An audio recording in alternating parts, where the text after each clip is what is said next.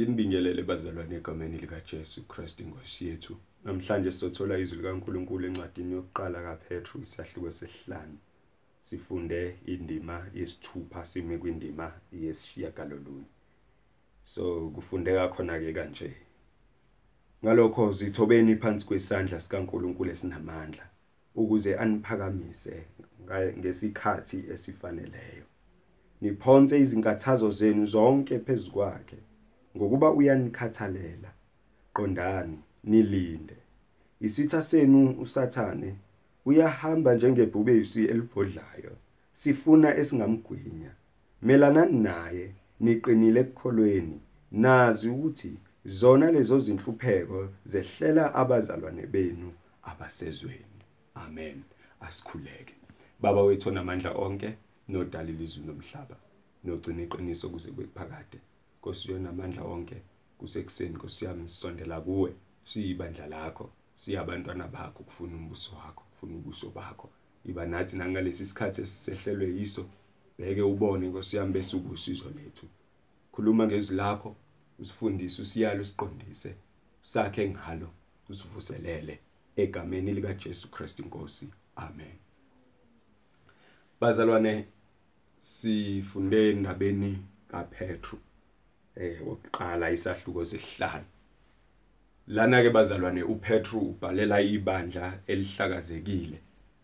Uma ebhalela ibandla elihlakazekile ulibhalela ukulinikeza icomfort ulibhalela ukulinikeza eh imotivation uyaliduduza ibandla ukuthi alihlale liqinile enilazi ukuthi kulezi inhlupheko eh kukhona usizo.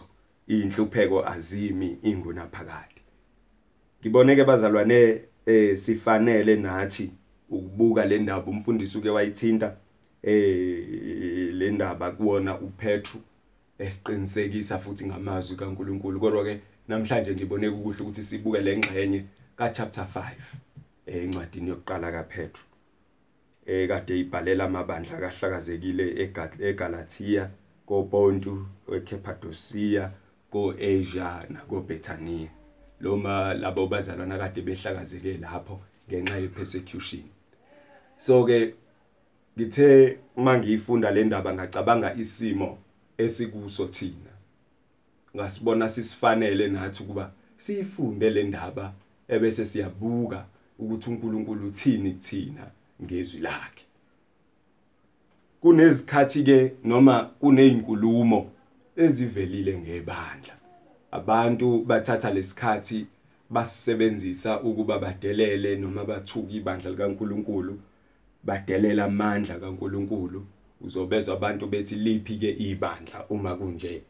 Uzobezwa abantu bethi niyabona ukuthi eh indaba yokuya emasontweni ukuchitha isikhathi ngoba nakho kumanje nicashile nonke njenganathi eh nisemakhaya. Anivalelekile abanye baze basebenzisa igama ke elisetshenziswayo kule insuku lokuthi ibandla eh alikho essential. Baze basho njalo bathi liyafana nje nezindawo zonke ngoba kuvalwa indawo nalo futhi liyavalwa. Okusho ukuthi ibandla lisizi ngalutho kodwa ngingazile nje ukuzonika izimpendulo zalokho. Kodwa ngiyathanda ukuveza ukuthi noma sisemakhaya sisalusizo emphakathini. Noma sisemakhaya sisalusizo emhlabeni sisalusizo ezweni lonke. Ngoba sike emakhaya kodwa siyathandaza. Sike emakhaya kodwa izwi likaNkuluNkulu liyaqhubeka. Sike emakhaya and uNkulunkulu sanamandla asimkhonza uNkulunkulu ngoba esixoshela le pandemic kodwa simkhonza uNkulunkulu ngoba enguNkulunkulu. Angokuba noma ngathiwa iyaphela icorona noma ngathiwa ipheli icorona uNkulunkulu uzobe sawuNkulunkulu angizileke bazalwane ukuzonikeza izimpendulo zalokho kodwa ngikuzele ukuthi sibheke le ndaba lakho nethi eh uPetru ku chapter ku verse 6 ethi ngalokho zithobeni phansi kwesandla sikaNkuluNkulu esinamandla ukuze aniphakamise ngesikhathi esifaneleyo eyintweni zonke ibandla elizitholayo ngalesikhathi ukugxekwa konke ibandla elikutholayo ukuhlukumezeka konke labazalwane engikhuluma ngabo ukuthi uPetru uyababhalela abakutholayo. uPetru uzobakhumbuza. Esebabhalele konke wabakhumbuza ukuthi banefa elingaboliyo wabakhumbuza ukuthi bona abasiba babaleki kodwa bangabantu basekhaya ezulwini banendawo bayisizwe sikaNkuluNkulu. Eh esekubhalile konke ke lokho akubhalelayo ababhalela kona uPetro uthi ke manje zithobeni phambi kukaNkuluNkulu. Phansi kwesandla sikaNkuluNkulu esinamandla ukubuyisa ibandla ukuthi alikhumbule ukuthi lingobani lingabhosti ngalo lingaziqhakambisi kodwa aliremain elizithoba. Uma lizithoba ibandla likaNkuluNkulu liyazi ukuthi usizo alizuqhamuka ngabantu abathile kodwa usizo luzoqhamuka ngoNkulunkulu uqobo. Manje labantu basekuhlaselweni labantu bakwi-persecution babalekile bofuna usizo. Nalabe khona ke inkinga izovela nalabe khona ke abantu bazokhuluma kabi ngabo nalabe khona abantu bazopointa izinto ezithile abazibuka izimbi kubona kodwa uthi uPaul uthi uPetru kule ndaba ziqhubekani nizithobe ningabhosti humble yourself ngaphansi kwesandla sikaNkuluNkulu esinamandla. Kungani uPetru ethi abantu abazithobe na? Kungenxa yokuthi uPetru ufuna sizithobe njengalokho inkosi yethu uJesu wazithoba kwaze kwaba sekufeni. Ingakho phela uPetru mebhala le ndaba yakhe kukaningi eveza kubazalwane ukuhlupheka kukaKristu. Ngakho ke uma uKristu ahlupheka kusho ukuthi nathi sizohlupheka kodwa ke sidinga ukuzithoba phansi kwesandla sikaNkuluNkulu esinamandla. Esikhathini esiningi uma iBhayibheli likhuluma eh ngokuzithoba alikhulumi ligcine ngokuzithoba kubantu kuphela kodwa lithi uma sizithoba uNkulunkulu uzosiphakamisa. Lezi zinto zombili azishiyani kodwa ziyahambisana. Uma sizithoba ngapha uNkulunkulu uyasiphakamisa ngapha. Sizithoba ke sisethembeni. Ngamanye amazwi sihleli nje asizivalele njengabantu abangenathemba. Ahleli emakhaya njengabantu abangenamathemba kodwa sihlele emakhaya njenganabantu abanethemba lokuthi uNkulunkulu uza kusikhulula lokuthi uma sizithoba sifuna ubuso bakhe uNkulunkulu uzokhombisa amandla akhe. Khumbula phela mawufunda iBhayibheli eh kwekaJakobe chapter 4 verse 10 uthi uNkulunkulu lithi iBhayibheli ngalokho zithobeni phambi kukaNkulunkulu yena uzokuniphakamisa. Okusho ukuthi bazalwane uma sizithoba uNkulunkulu uthembekile ukwenzani ukusiphakamisa? Lokho kufakazela lento engiqeda kusho ukuthi iBhayibheli alikhulumi ngokuzithoba bese lishiye kanjalo. Hamba futhi uyofunda uSecond Chronicles chapter 7 verse 14 lizothi iBhayibheli lapho uma abantu bami ababizwa ngegama lami bezithoba bakhuleke bafune um, ubuso bami badede ezindleleni zabo ezimbi ngiyakuzwa ngisezulwini ebese ngithethelela isiphambeko sabo noma isono sabo ebese athi uNkulunkulu ebese ngilapha izwe labo. Okusho ukuthi bazalwane njengalokhu silana emakhaya sihleli ahleli njengabantu abahleli nje besaba. Kodwa sihleli ngaba njengabantu abathembile ukuthi uNkulunkulu uza kusikhulula ngamandla akhe amakhulu ukuthi uNkulunkulu uzoveza usindiso lakhe. Ngamanye amazwi ke bazalwane asizithobeni siqine emkhulekweni sikhulekele izwe lethu kulesimo elibhekene nalo sikhulekele abantu abomhlaba wonke kulesimo esibhekene nalo ngoba lenkinga esibhekene nayo bazalwane akusiye yethu kuphela kodwa inkinga ebhekene nomhlaba wonke ngamanye amazwi thina siyagcina siyadinga ukuthi sizigcine sisemkhulekweni sithi inkosi veza amandla akho veza ngosiyami ubukhulu bakho. Noma ngathiwa ke eh isimo lesi siyaqhubeka siba wesi kodwa lokho akumphuca uNkulunkulu ukuthi usenamandla akusenzi futhi lokho ukuthi silahle ukukholwa kwethu kodwa njengamakholwa sifanele ukwenzani bazalwane ukuthi sizithobe? Sinenkinga eyodwa ke abantu abazithobayo abeve behlushwa. Abantu abazithobile abeve behlupheka. Abantu abazithobile abeve bechukuluzwa. Lithini pho iBhayibheli ngalokho? Uma sizozithoba kodwa sichukuluzwe uma sizozithoba kukhulunywe kabi ngathi. Uma sizozithoba usathana nyenyezela ukuwa. Uma sizozithoba eh ebese sibhekana nezinkinga kuthekani ngalokho? Siyezwa pastor ukuthi ukhuluma ngendaba yokuthi asizithobe. Kodwa ke eh sizokwenza njani? Ngoba sithwele imithwalo enzima. And futhi ukholo lwethu liyavivinywa usuku nosuku. Sikhathazekile. Sizizwa singabantu abangenasizo. Sizizwa singabantu abangenathemba senze njani pastor? Lithi ke iBhayibheli verse 7 niphonse izinkathazo zenu zonke phezukwakhe ngokuba uyanikhathalela. Bazalwane nakulesikhathi esinzima kanje nakulesikhathi sokubuhlungu nalesikhathi sokungahlangani nakulesikhathi sokuhlala emndenini yethu. Bazalwane akusibo bonke abahleli emndeni nemndeni yabo la kukhona khona ukujabula khona. Akusibo bonke abantu abahlezi abasijabulelayo lesikhathi abanye bayahlukunyezwa. Abanye bayatshela ukuthi abayilutho kangakanani. Abanye bahleli nje baqhathanisa usizi. Abanye bahleli nje bathi ngabe akunje ekhaya ukuba uma usaphila. Abanye bathi ngakunje ekhaya ukuba ubaba usaphila. Abanye bakhuluma zonke izinto ngoba bezwa ubhlungu akumnandi kwabanye. Abanye bayajabula bahleli kamnandi isikhathi esihle nomndeni wabo eh bathola yonke into abayifunayo kunemfudumalo emakhaya kodwa kwamanye amakhaya kuyabanda and abazalwa abazalwane futhi laba. Kodwa lithi izwi likaNkuluNkulu bazalwane zona ke lezo zinto ezihlaliseka kabuhlungu zona lezo inhlungu esizwayo loyo buhlungu esi-experienceayo asizithobe phambi kwaNkuluNkulu ebese sithatha lobo buhlungu sibuse kuNkuluNkulu. Ngobani bazalwane? Ngoba uyasikhathalela. Akusinikezi yini lokho bazalwane? Eh akusiko yini lokho isibusiso? Akusiniki yini lokho ithemba? Akubuyisi yini ukukholwa ukwazi ukuthi noma sisehluphekweni manje noma sisenkingeni manje kodwa ukhona osikhathalelayo. Noma izwe lingahlekisa ngathi kodwa ukhona osikhathalelayo. Noma besingabukwa njengezilwane thina ama-Africans kakhulu kuloku kuthiwa kunenhlolo zani zokwenzani ini lokho abakushoyo ukuthi kuyokwenzeka. Kodwa siyazi ukuthi noma izweke lingesikhathalela kodwa usimakade bazalwane unjani uyasikhathalela.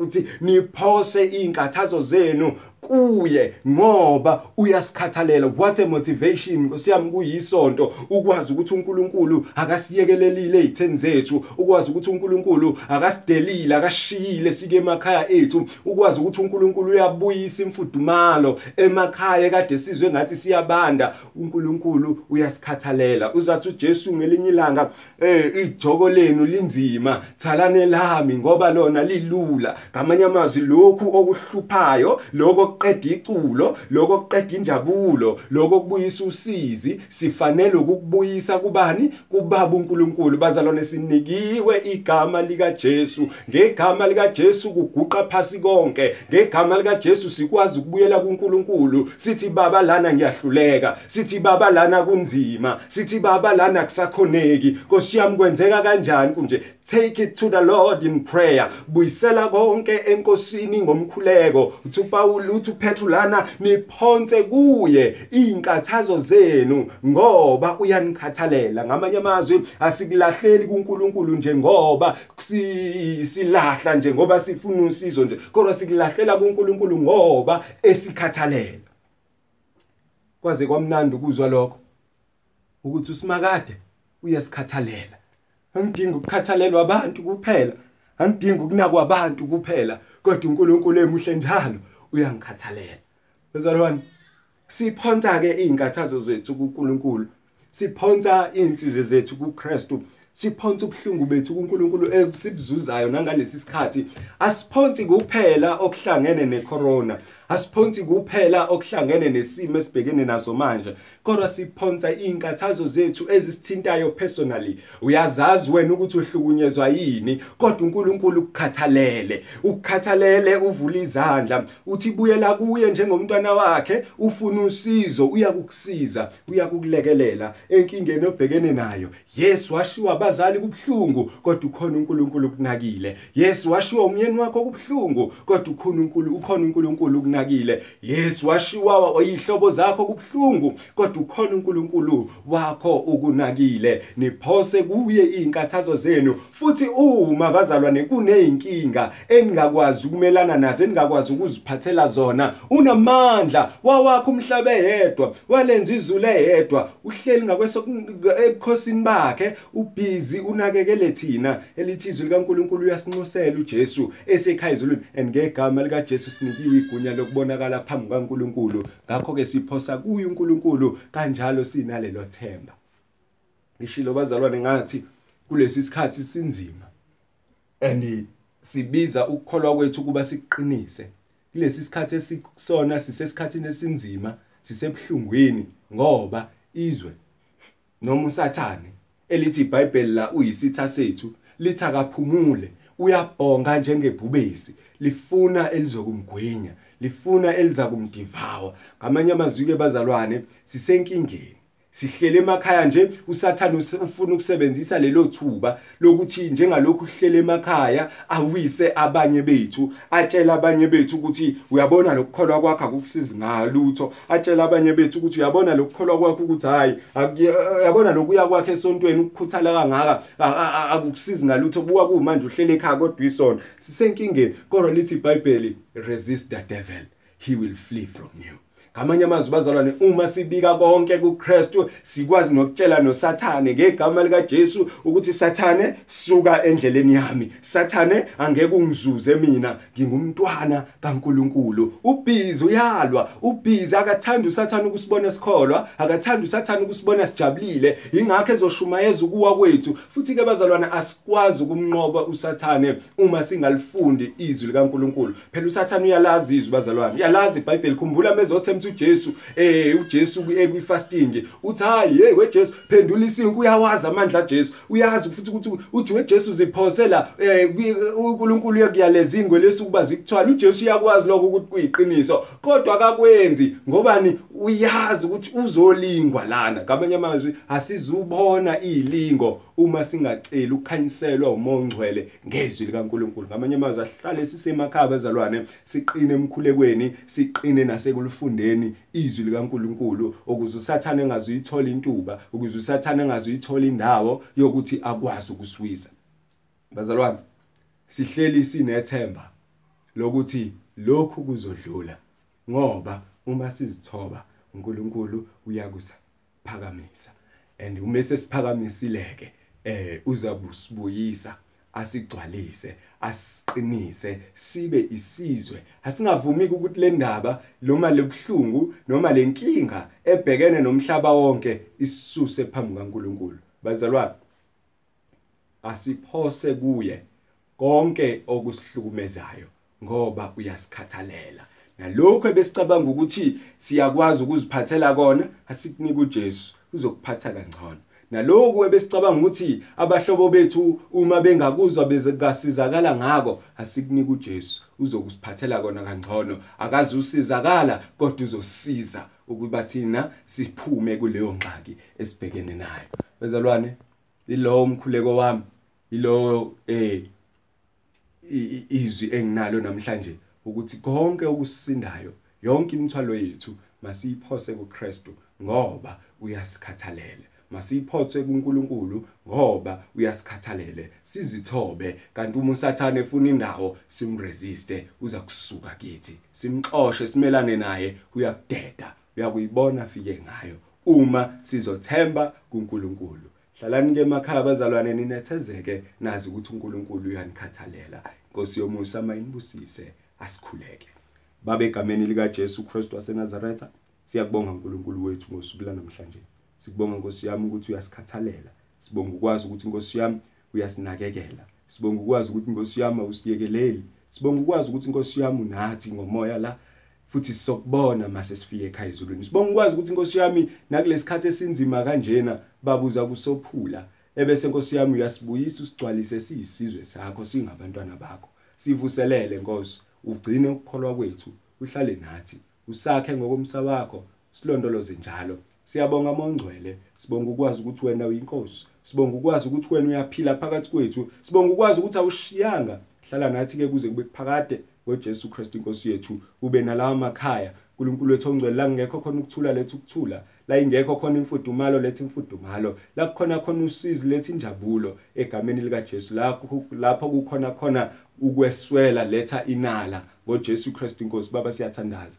Vuselela ibandla lakho liqinise ube nabazalwane bonke emhlabeni wonke ubaduduze ubathwale egameni lika Jesu Kristu inkosi kusukela manje kuze kube kuphakade konke lokhu siyakucela. Amen. Musa wenkosi yethu uJesu uthando likaNkuluNkulu Baba hlanganyelo kaMoya oNgcwele makube nani nonke. Kumgcine kunilondoloza azafika uJesu Kristu inkosi yethu. Amen.